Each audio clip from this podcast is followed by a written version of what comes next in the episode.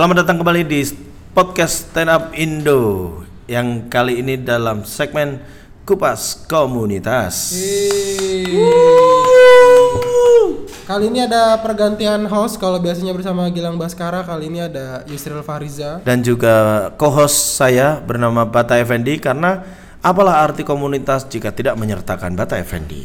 Mantap. Karena Bata Effendi adalah s- s- komunitas stand up Indonesia. Nah, Jak- Jaba- eh, Jakarta aja, Jakarta. Jakarta aja, Jakarta. Tapi memang memang karena itu, Bat, kamu diajak Bat kayaknya, Bat. Enggak sih, saya ngikut Bukan. aja. Karena itulah kamu ku aja. Jadi kayak kupas komunitas Oh. ini kan aku kan bukan dari komunitas di Jakarta. Ya. Sedangkan kamu adalah orang yang ada di setiap pembentukan semua komunitas se-Jakarta gitu loh. Saksi bukan bukan ikut serta, cuma hanya melihat. Iya, itu juga ikut serta. ya, mohon maaf saksi. bintang tamu jadi nggak diajak ngobrol nih. Nanti, Oh, nanti kita dua menit ngomong dulu, Oh, boleh. baru nanti ininya bintang tamu. Dan di kepuas komunitas episode kali ini kita sudah kedatangan teman-teman dari Stand Up Jagut. Ada ada siapa aja di sini? gue dengernya stand up cagur, gue dengernya gitu. Goblok. stand up jakut. Kita ada ada Dime, ada Ben. Enggak kamu dong. Kamu dulu Duduk siapa? Aku, Iya. aku siapa? Saya Marcel Widianto. Dan Saya Dime. Saya Wendy. dari Stand Up Jagut tentu saja ya. Jakarta Utara. Jakarta Utara. Iya biasa aja salah. Oh iya, iya, iya. Eh ini rata-rata semuanya pada mulai open mic tahun berapa? Kalau saya sih boleh open mic dari tahun 2016, Bang. 2016. Iya, betul. Kenapa baru 2016? Kamu- Tapi kamu kenal stand up tuh dari lama, Sel? Enggak, baru juga karena emang dulu kan Cooper nggak tahu nggak tahu teknologi kita. Pokoknya kita tahu gara-gara waktu itu nonton bayaran. Jadi oh ini ada stand up gitu. Baru ngikut.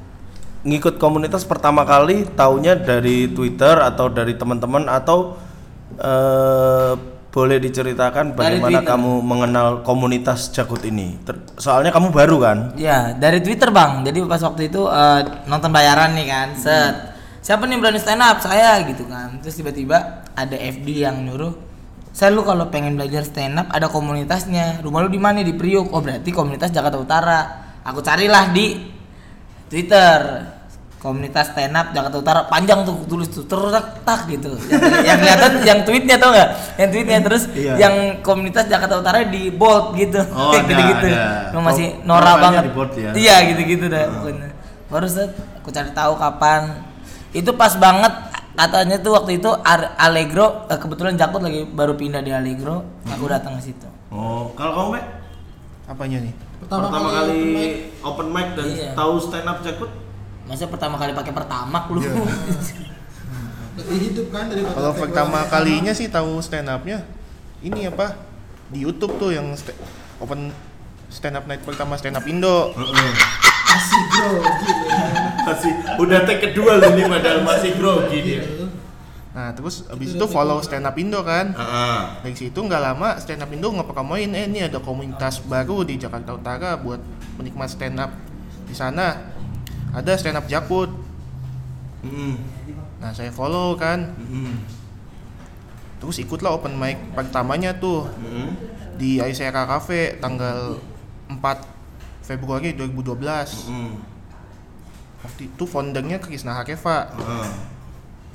Pas pertamanya itu open mic lumayan rame sih karena agak lama eh kayak, kayak ngantri BPJS jatuhnya bang Enggak, ini sebenarnya- kenapa sih ada acara apa sih coba saya tanya Sel, ah. Sel, ini sebenarnya untuk semua pendengar podcast Stand Up Indo di Iya. episode kali ini, ini adalah take kedua dan omongan dia sama persis. jadi kayaknya, jadi kayaknya aku curiga mereka tuh ngapalin dari Iya, rumah. udah ada teksnya kayaknya deh, ada nih ada ya lu udah nulis ya udah lu tulis kok lu tahu pertanyaannya gue enggak sih jadi dari, dari tadi template template jawabannya sama. sama ya Eh, didirikan oleh Krishna Reva tanggal 4 Februari. Oh sama ya? Enggak, aku kan nanya kamu kapan pertama kali open mic kan? Itu 2012 Ah, jangan 4 grogi, jangan grogi. iya kalau di Oh. Jakutnya itu pertama kali. Kalau Wendy kapan Wen?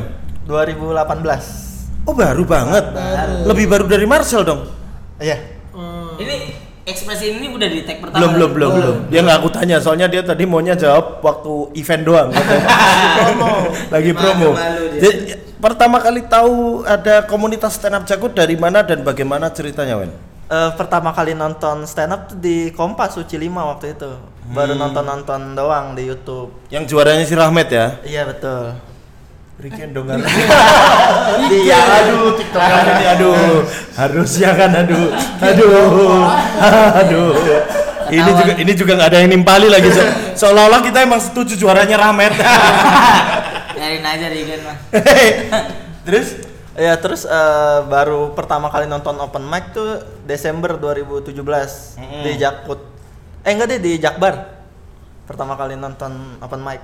hmm, terus Pertama kali open mic pun di Jakbar 2018. 2018. kenapa akhirnya memilih untuk ah aku Jakut aja deh gitu eh ya kebetulan waktu itu kerjanya di Kelapa Gading kan jadi dekat. oh, Tinggal kamu tuh nggak asli sini asli sini oh tapi kerjanya di, Di Kelapa eh, Gading. Kelapa Gading Iya. tapi pertama kali open mic di di Jakbar. stand up Jakbar. Jakbar, stand up Jakbar. Oh, ka- karena belum tahu ada eh, stand up Jakut, Jakut atau memang kayaknya situ lebih rame?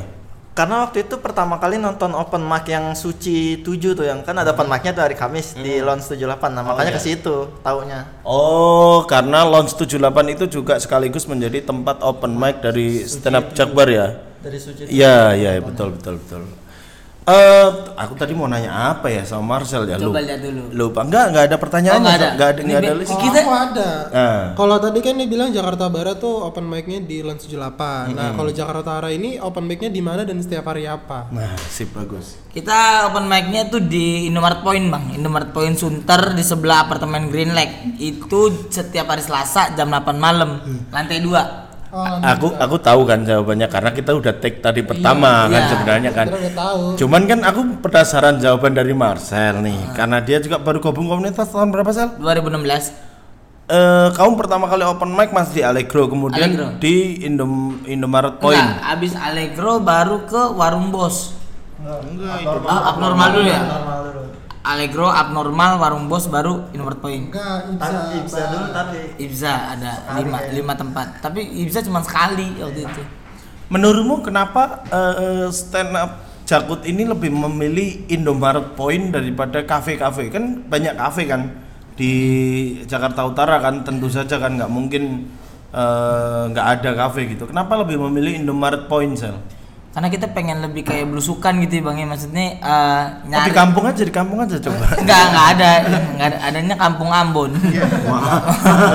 Masa kita open mic depan sabu. Nggak mungkin juga kan. Kita di situ kan. Jadi kita nyari nomor poin, Bang. Di di sisi jajanan yang lebih murah. Heeh. Penontonnya juga penonton umumnya juga lebih banyak. Jadi kita bisa eh, ngetes materi kita tuh bagus gitu ke langsung ke penonton umum. Oh iya. Kalau di tempat-tempat kemarin tuh eh, sebelumnya lebih banyak penonton komunitas. Oh mungkin itu alasannya eh, kalau kafe itu terlalu gini bat Betul, mungkin terlalu mahal kelihatan. Iya kal- dan segmen penontonnya tuh terlalu minimal B lah gitu ya Betul. minimal minimal B gitu jadi kayak materi-materi soal kemiskinan mereka nggak masuk Nggak gitu. masuk. Oh iya Iya, iya. iya, iya, benar. benar. Karena Marcel kan identik dengan lelah miskin. Lelah miskin dan terima kasih Om J. Betul. Ya, Terima iya. kasih stand up, terima kasih Om J. Tadi aku udah nanya si Dime. Dime. Dime. Iya, terus aku mau na- nanya Wendy nih sekarang. Menurutmu kenapa eh, di, di Indomaret Point apa tidak takut tersinggung untuk karena kan itu kan Indomaret Point kan kita tahu itu bukan kafe, itu bukan tempat Itu poin. eh, Eh, sih. halo. Eh. Kalau nggak dikeluarin kayak janggal Kayak- gitu. kayak janggal ya? Kenapa nggak ngomong ya? Waktu tayang tuh, aduh harusnya ini bisa lebih sih. Iya, gitu. iya.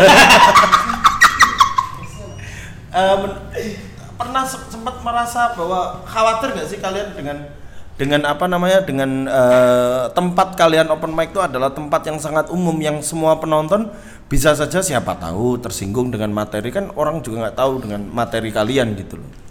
Kalau saya sih kalau open mic nggak pernah takut eh, menyinggung orang ya karena materi saya kan eh, nggak nyerempet-nyerempet yang bahaya gitu. Justru ngelihat Marcel atau ngeliat yang lain kalau dia bahas yang agama atau apa segala macam jadi ngeri sendiri takutnya tiba-tiba ada engko-engko marah-marah kan Heeh. kayak waktu itu yang di Ibza ya Pernah, pernah, Sel. bisa tiba-tiba naik Seru nih. kok diobrolin sih Gak apa-apa. Seru, seru, saya Tadi langsung. tag pertama nggak ada. Oh, gitu. Biar lebih hidup. Iya. tiba-tiba ngelempar ke gua nih bingung juga Iya. Wendy, Wendy bagus Oh, banget. bagus, bagus. Cara mainnya dia.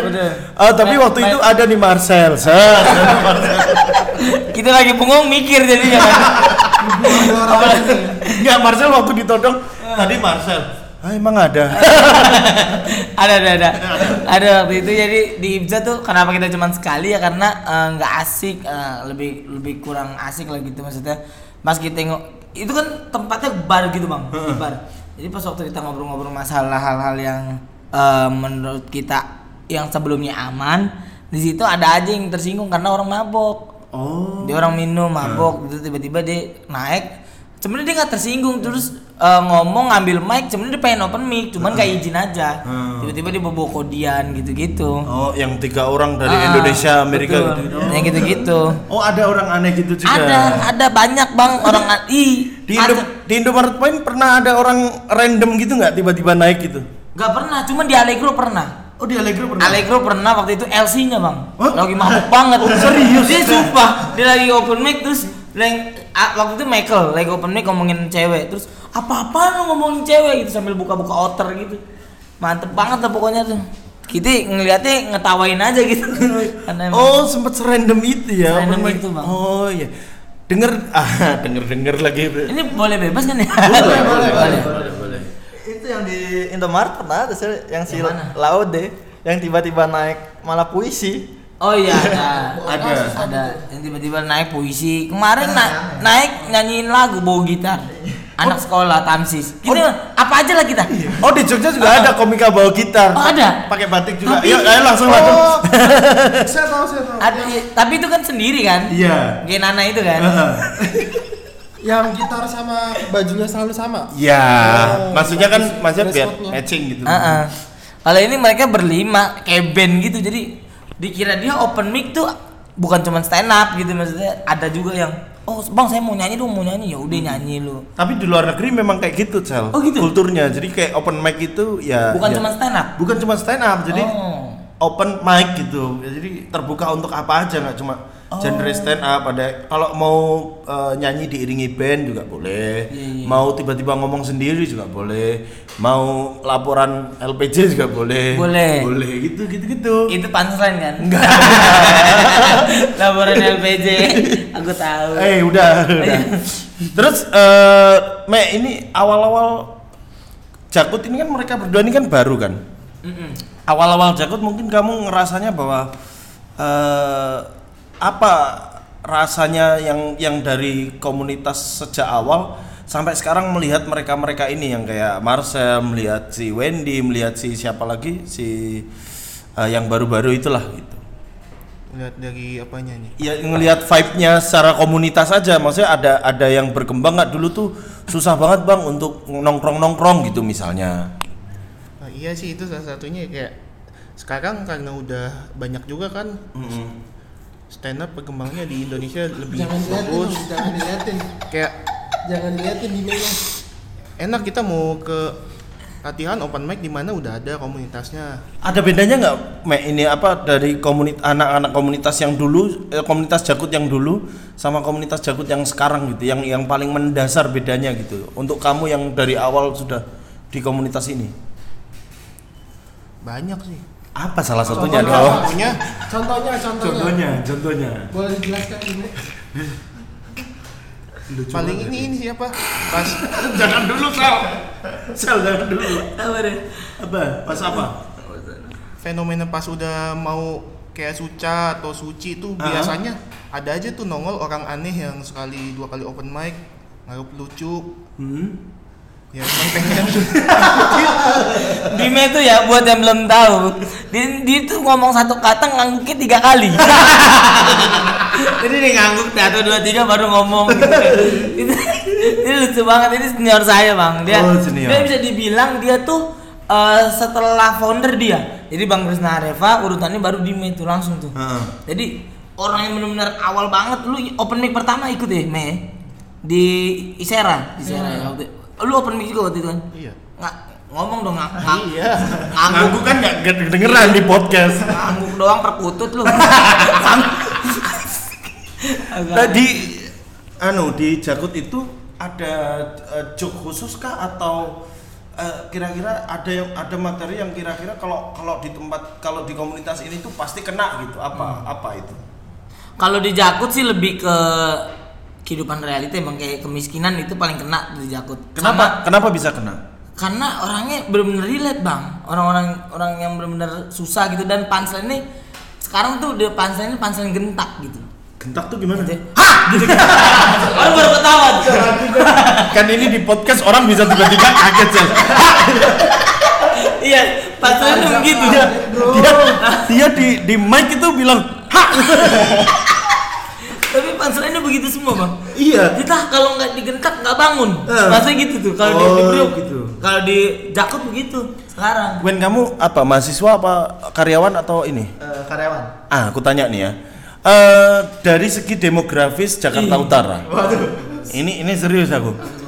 Kenapa materi yang eh, katakanlah yang tadi Marcel bilang ke kehidupan realita kaum masyarakat menengah ke bawah itu lebih cepat kena di Jakut daripada eh, materi lain? Karena kalau sekarang-sekarang gue ngeliatnya penonton di Indomaret tuh kebanyakan anak sekolah ya kan, Iya. kebanyakan anak sekolah. Jadi yang bahkan ngomong jorok aja bisa kena ya. Iya. Digentak gitu ya kaget ketawa.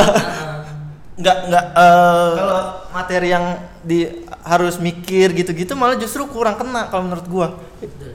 Jakarta Utara tuh eh, apa komplek eh, karyawan nggak sih enggak ya? Enggak bang, enggak ada komplek karyawan gitu. Gimana ya? Paling anak sekolah. gading doang. I- iya bener ruko gading, ruko gading juga iya bener sih. Tapi bukan kita Sunter tuh tengah-tengah tuh bang, tengah-tengah antara Priuk sama Gading. Jadi kayak apa ya? Irigasi gitu, irigasi. Bukan per- pertemuan antara Yin yang. Iya, pertemuan antara kemiskinan dan kekayaan Iya, yang, ada. yang terjadi begitu timpang di Jakarta Utara ya. Betul, yang jatuhnya eh, dia lebih memikirkan stylish daripada keuangan. Oh. Jadi intinya begitu tuh. Yang, yang tau gak sih lu yang Iya. yang orang miskin tapi kayaknya kayak gamawan lah gitu. lu tau gak gamawan? Tahu. Ada band namanya gamawan. Satu atau dua? Iya, Pilih aku atau dia? Iya iya. Satu Dua atau dua, pilih aku atau dia yang engkau suka. Udah gak usah sampai pianonya. Dua atau satu boleh nggak? Dua atau satu pilih dia Ya, atau kamu yang aku tak tahu. Nah gitu-gitu. Oke oke. Terenenenenen. Nggak usah sampai Oh, iya, iya. pianonya. Siap siap siap. Maaf maaf. Lebih hidup ya yang lebih hidup tadinya. Ada ada yang pengen kamu tanyain nggak, Pak? Pertanyaanmu yang tadi, Apa kenapa tuh? Jakarta Utara harus didirikan? Menurut menurut Wendy, menurut Dime dan juga Marcel. Wendy dulu kali ya. Wendy tadi udah jawab ya. Dime juga ya kebanyakan ngangguknya dari tadi. Marcel aja deh. Kenapa? Kenapa cuma aku? Kan ada yang Itu coklat udah mencair, Pak. Iya. Kenapa Jakarta Utara itu harus didirikan? Kenapa Jakarta Utara itu harus didirikan? Kalau nggak ada Jakarta Utara ya nggak ada orang kayak seperti saya bang maksudnya. Enggak maksudnya kenapa komunitas stand up Jakut itu tidak melebur dengan komunitas lain misalnya kalau mau open mic ya udah open mic aja ke selatan bisa Oh. misal gitu atau open mic aja ke pusat yang yang jaraknya juga ya lumayan jauh. sih. Oh, karena Jakarta Utara menurut gua sih lebih punya eh, apa ya? Lebih punya style sendiri sih bang Hmm. dibanding eh, tempat-tempat lain Hmm. kayak Jakpus, Jakbar, eh, Jaktim. Lebih kita lebih punya ciri sendiri. Hmm. Di Jakpus tuh cirinya adalah em, kita menerima orang yang kaya kaya banget juga ada gitu. Hmm. Terus yang miskin yang bener-bener miskin kayak gue juga ada gitu. Contohnya yang kaya banget kayak ya contohnya Bang Krisna Hareva. Itu orang kaya banget tuh. Yang yang yang tiap hari juga aku mau, nugget tapi maunya nugget yang huruf gitu-gitu. Yang gitu-gitu lah. Nuggetnya masih bisa milih ya. Bisa milih bisa pilih Heeh. minumannya juga sakatonik ABC ya gitu-gitu. yang ada huruf-hurufnya terus disusun. Kalau gua kan ya gimana orang-orang susah kayak gua Bang yang kalau beli minyak ke warung tuh bawa-bawa jerigen lu tau nggak? Oh, iya, Terus iya, dimainin di dang dang dang gitu, tendang tendang, ya kan? Waktu Jadi lagi kosong. Heeh, waktu lagi kosong. Jadi untuk eh, untuk menjembatani menjembatani antara orang kaya dan orang miskin gitu. Hmm. Jadi benar-benar bersatu. Dan itu nyata banget ini, banyak banget orang-orang kaya di Jakut dan miskin jadi satu. Jadi jadi kalau ada masalah bisa ngobrol gitu, Bang. Misalkan masalah keuangan nih. Hmm. Dia butuh kerjaan, tinggal ngomong ke orang kaya. Orang kaya kalau ada kerjaan terus ada masalah, Ha-ha. bilang ngomong ke orang miskin. Kan gitu, Bang. Oh, Ya kan? Orang miskin gak takut mati soalnya. takutnya kelaparan. Iya, nggak usah dibunuh orang. Kita udah punya niatan buat bunuh diri sendiri. Iya. Gitu gitu. Ternyata sudah 21 menit. Makanya kita agak percepat aja ya Oh iya, iya, kayaknya. boleh, boleh. Enggak sih, enggak enggak harus percepat banget. Stand up Jakut yang aku tahu itu eh eh, terkenal dengan eh, street karaoke. Street karaoke. Jadi apa itu street karaoke? Itu adalah Jangan diem, diem Sar. ini biar dua ini dibagi porsinya. Ya udah, tadi ayo udah. Gue pulang ya. Selamat jangan. Wendy. Pedi Wen, apa itu street karaoke Wen? Jadi street karaoke itu suatu bentuk perayaan ulang tahun komunitas stand up Jakarta Utara. Jadi dia bentuknya kayak lomba karaoke gitu. Hmm. Karena kan kita capek kan stand up stand up mulu. Komedi-komedi terus komedi-komedi ya. terus. Dan Makanya ini kita punya jakut doang. Diam diam. makanya kita bikin yang beda gitu karaoke. Dan karaoke-nya juga nggak harus bener karaoke-nya. Justru kalau bener malah nggak menang. Oh iya. Iya, harus yang nyeleneh. Jadi jadi kena- kenapa kenapa kok harus karaoke, Me? Karena aw- itu doang sih awalnya lagi beberapa pencetusnya Beberapa pencetusnya, yo Me, boleh Me. Bisa pengen karaoke aja waktu itu. pengen karaoke. Jadi ini ya, ini buat kalau kalau misal dirunut karena tadi sudah Marcel sudah men- me- menjelaskan bahwa eh, Jakarta Utara Stand Up Jakput ini menjembatani antara yang kaya dan yang miskin dan mungkin orang kaya dan orang miskin ketemunya ya di tempat karaoke ini biasanya. Betul. Iya kan? Betul. Yang kaya nyanyi, yang miskin nganter minum. Betul bang. Beneran ngomong pecah amin. Emang saya pinter nyari spot. Jauh lebih. Memang Marcel ini pinter nyari spot. Yang lain lucu ya nggak semua kan murah. nah Marcel di situ. itu, itu masa saya. itu boleh lucu tapi gua murah. Ada yang mau ditanya nggak Pak? Karaoke tuh eh, event show biasa doang apa kompetisi atau gimana? Hmm, lempar-lemparan. Wendy, Apa? street karaoke tuh show biasa doang atau sebenarnya lomba atau apa gitu? Perlombaan kan tadi gue bilang perlombaan karaoke gitu. Jadi eh, siapa pun. Hmm. ya jadi siapa pun yang mau naik biasanya sebelum acara itu ditawar-tawarin nih ke senior-senior siapa yang mau nyanyi ya. Siapa yang mau ikut lomba gitu. Udah berapa kali? Udah berapa kali Bang Dime? Udah enam. Udah enam kali. Terakhir di Ibza ya. Di bisa. Di Ibza. Event terakhir street karaoke di Ibza siapa yang paling pecah menurut kalian? Yang jadi juaranya siapa?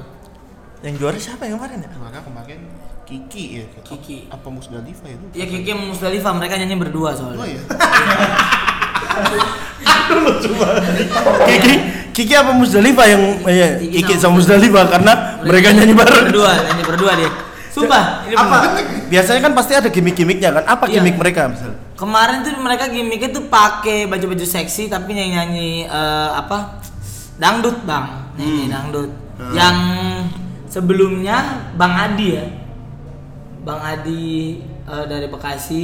Itu di Allegro. Bang Adi nyanyinya lagunya Joshua ya? Bukan Joshua. Bukan. Lagunya ini. Serina Messi. Apa Sama Messi ada. Menang. Menang juga. menang bang Adi Berarti kalau dirunutin dari 1 sampai 6 juaranya siapa aja? Ingat gak?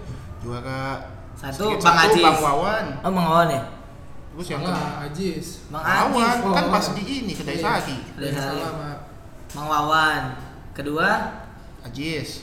ketiga Bang Adi. bang Adi keempat Indra Turner. kelima Iqbal. Keenam siapa? Ada. Iqbal ada yang jago. Oh, Terus keenam Enam ya itu. baru Kiki sama Musdalifah Kiki sama Musdalifah yang sekarang lebih sering ke Leon itu ya. betul sekali. Di Leon mulu. Eh, Baru ada duit kamu ya. Kalau nggak ada duit nanti uh boro-boro Leon lu. Makan temu lawak lu. Minum sih harusnya. Bukan makan. Tapi nggak apa-apa sih, yang penting lucu aja. Iya. Temu lawak. Ketemu langsung ketawa. Baru salaman langsung ngakak.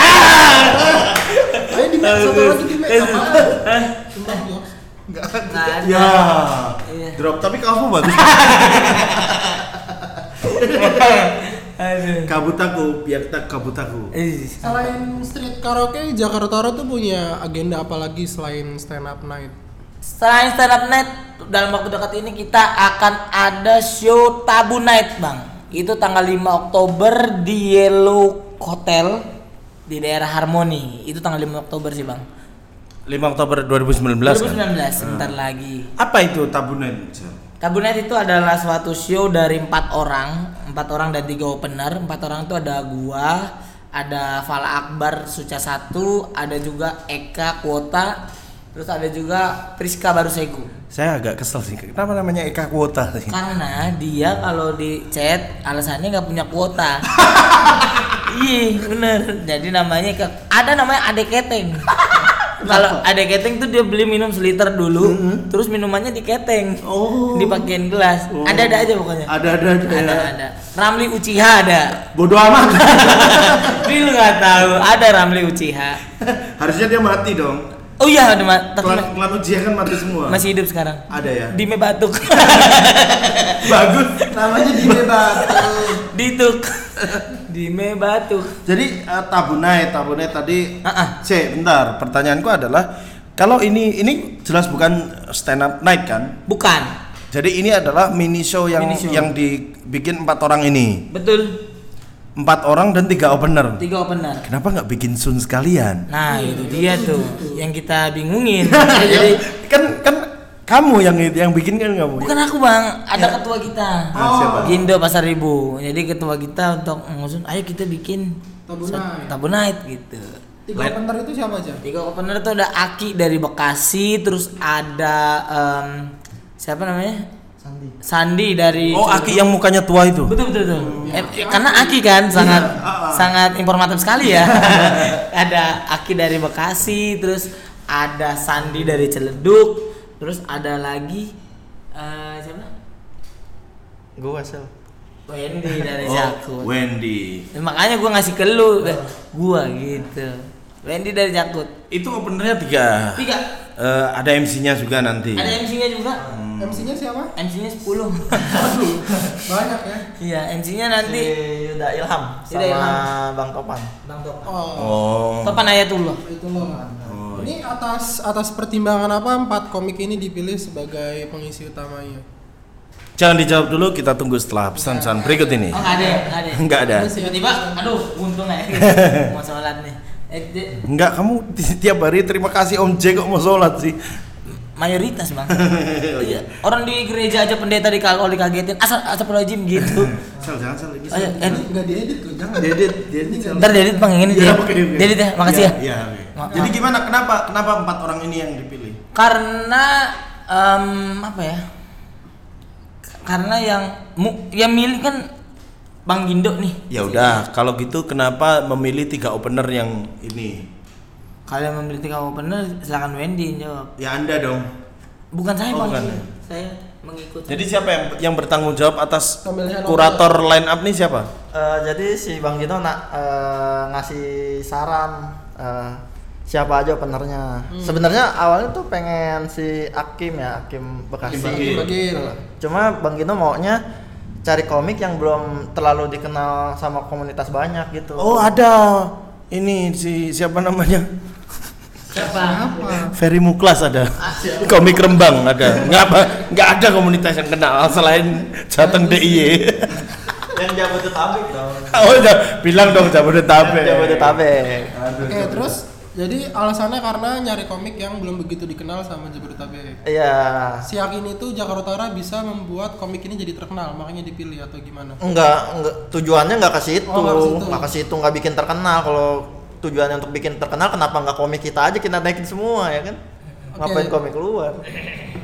Terus terus Jadi eh, Tabu Night ini bang itu suatu show yang yang baru sih di Jakut karena eh, ini kita akan membahas hal-hal tabu bang hal tabu yang yang emang kayak agama, seks gitu-gitu. Rekening. Rekening juga tabu tuh kayaknya. Tabu tuh. Tabu kalau belum Nggak. cair. Masih panik kepotong admin. Apalagi kalau transferan terbang setan tuh tujuh ribu. Aduh.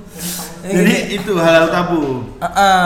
Kenapa lebih memilih tema tabu daripada tema yang lain? Siapa nih yang mau jawab? Karena uh, awalnya kan kita pengen bikin Blue Night kan, Blue Hmm. Night set. Terus tiba-tiba uh, karena Blue Night itu udah dipakai sama stand up Indo, jadi kita pakai Tabu Night karena Hmm. memang satu aliran tuh dari Blue Night untuk mencari uh, aliran lain Hmm. yang lebih mini lah gitu. Nah dari Tabu Night ini kita bisa bahas yang yang bermacam-macam yang Hmm. belum pernah ada di TV dan kita pastikan ya materinya baru ada yang baru juga. Dan dari sudut pandang yang berbeda kalau Eka ini kalau kita ambil contoh gitu bang Eka ini adalah seorang wanita yang kerudungnya tuh syar'i gitu bang. Dia selalu pakai kerudung. Tapi dia akan bahas hal-hal yang mengenai agama nikah seks dan lain sebagainya yang menurut dia tabu. Hmm. dan kalau Priska baru saya tuh uh, dari point of view orang timur yang merantau seorang Kristen tapi pernah bekerja di tempat hijab, Toko. kerudung, toko hijab, toko gitu-gitulah. Terus kalau si Fala Akbar adalah seorang mantan pendukung 02. Jadi ya ibu ibunya dan bapaknya adalah pecinta 212 garis keras itu dia kan ceritakan seperti itu. Eh, Kami nggak akan panik ya kalau misalkan ntar digerebek juga nggak masalah. Emang dari empat orang ini Uh-uh. eh, kan pasti Tabu Night itu eh, menjualnya adalah eh, hal-hal yang tidak bisa kalian bicarakan di televisi dan media mana pun termasuk media sosial. Setuju. Media massa lah pada umumnya gitu. Setuju. Eh, memang empat orang ini semuanya sudah masuk TV dan tidak tidak bisa membahas itu di media di media yang massal gitu. Gimana? Boleh ulangin bang? Aduh, gimana ya? Intinya gimana? Apakah apakah empat orang ini sudah cukup eh, dinilai orang dinil kalian nilai dari komunitas sebagai ah kayaknya ini nih spesial nih kapan lagi bisa nonton Priska ngomongin gini di cuman di sini nih gitu. Oh iya iya iya. Iya karena emang kita semua yang yang baru masuk TV ya baru saya sama Falah bang. Mm-mm. Tapi bukan berarti Priska sama Eka juga nggak terlalu spesial. Priska dan Eka itu adalah uh, komik yang menurutku wanita Mm. dan yang jarang banget ngomongin hal, seperti ini khusus di acara ini aja bang. Karena dia kalau Eka pun bahkan sampai mamanya udah mengharamkan ikut stand up. Oh iya. Iya, Keren. itu yang bikin spesial tuh. Ah nggak keren ya maksudnya ini ini nih ah. ini nih ada ada satu pengetahuan baru gitu maksudku. dari- nah itu tuh pokoknya ada hal kayak gitu tuh ya, yang bilang kalau jangan ikut stand up dilarang-larang tapi dia dia akan menceritakan hal itu nanti di tabungan gitu kenapa dia dilarang sama orang tuanya dan dan bagaimana caranya dia ikut stand up dengan secara diem-diem.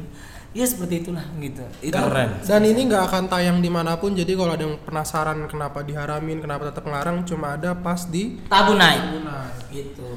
Tiketnya berapa? tiketnya 85.000 pre-sale bang.